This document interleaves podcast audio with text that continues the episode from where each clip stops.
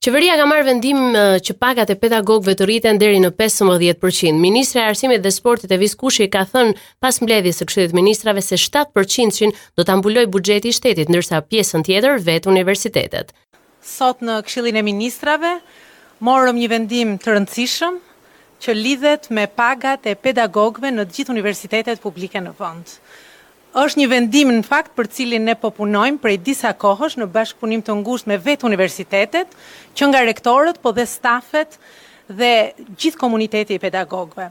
Konkretisht sot kemi vendosur që pagat e pedagogëve të rriten deri në pesëmbëdhjetë për qind, Ndërkohë ministrja shtoi se kufiri që është vendosur deri në 15 për qind viti i ardhshëm mund të rritet përsëri. Sipas Kushit, rritja e pagave do të nxisë rritjen e performancës nga vetë universitetet. Ajo tha se qeveria shqiptare ka mbështetur arsimin e lartë sa i takon kërkimit shkencor dhe infrastrukturës së universiteteve.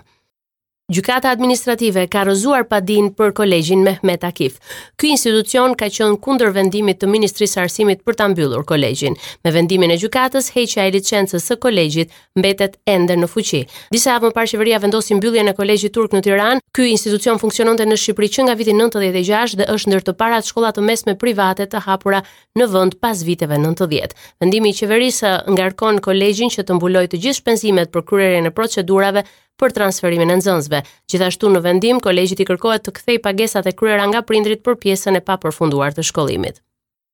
Në varësi të reshjeve, por edhe konsumit, Ministria e Energjetikës do marrë vendim për të aplikuar ose jo rritjen e çmimit të energjisë për ata që konsumojnë në muaj mbi 800 kWh gjatë muajit nëntor dhe dhjetor. Në një komunikim gjatë edicionit të lajmeve Në një komunikim për media, Balluku ka dhënë detaje mbi gjendjen aktuale të Fierzës, por edhe ka folur për parashikime optimiste në rritjen e prurjeve, çka e bëjnë të mundur që të mos aplikohet vendosja e fashave të pagesës për konsumatorët familjarë.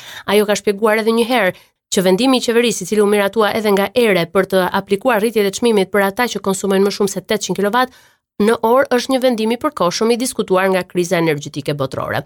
Zëvendëskryeministrja i është përgjigjur edhe opozitës, e cila pretendon se qeveria është përpjekur për shkak të presionit që ajo ushtroi për të mos aplikuar rritjen e çmimit të energjisë. Qeveria pretendon se vetëm 4% e konsumatorëve familjarë harxhojnë në muaj mbi 800 kWh.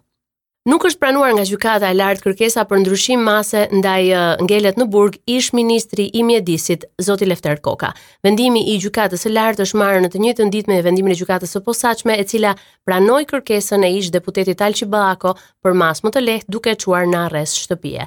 Në dhjetor të vitit të kaluar SPAK ka urdhëruar prangosjen e ish ministrit të mjedisit Koka për dosjen e incineratorit në Elbasan. SPAK pretendon se Koka ka përfituar përmes ryshfetit 1.2 milionë euro për ndërtimin e inceneratorit të Fierit dhe për këtë shkalla e parë ka caktuar masën sigurie arrest me burg, ndërsa për inceneratorin e Elbasanit Koka akuzohet se ka marrë ryshfet 3.7 milionë euro për ndërtimin e tij.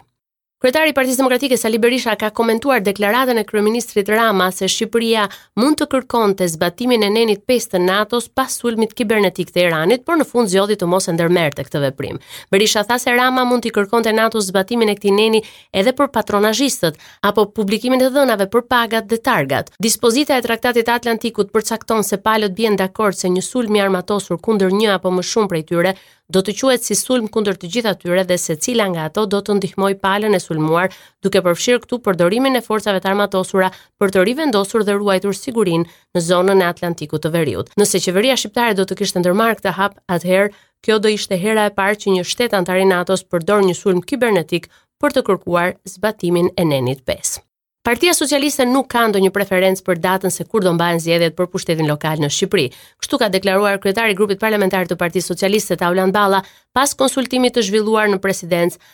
me kreun e shtetit Bajram Begaj. Caktimi i datës së zgjedhjeve duket se do të ndikohet edhe nga punimet për reformën territoriale për të cilën Balla është shprehur se politika duhet të dëgjojë ekspertët. Presidenti Begaj dy ditë më parë ka zhvilluar konsultime me përfaqësues të gjithë spektrit politik me qëllim marrjen e propozimeve për caktimin e datës zgjedhore vendore, e cila pritet mbahet vitin e ardhshëm. 16 prill është data e parë, 14 maj viti 2023 është data e fundit si hapësirë ligjore që kreu i shtetit të caktojë me dekret ditën se kur shqiptarët do zgjedhin kryetarët e ri të bashkive.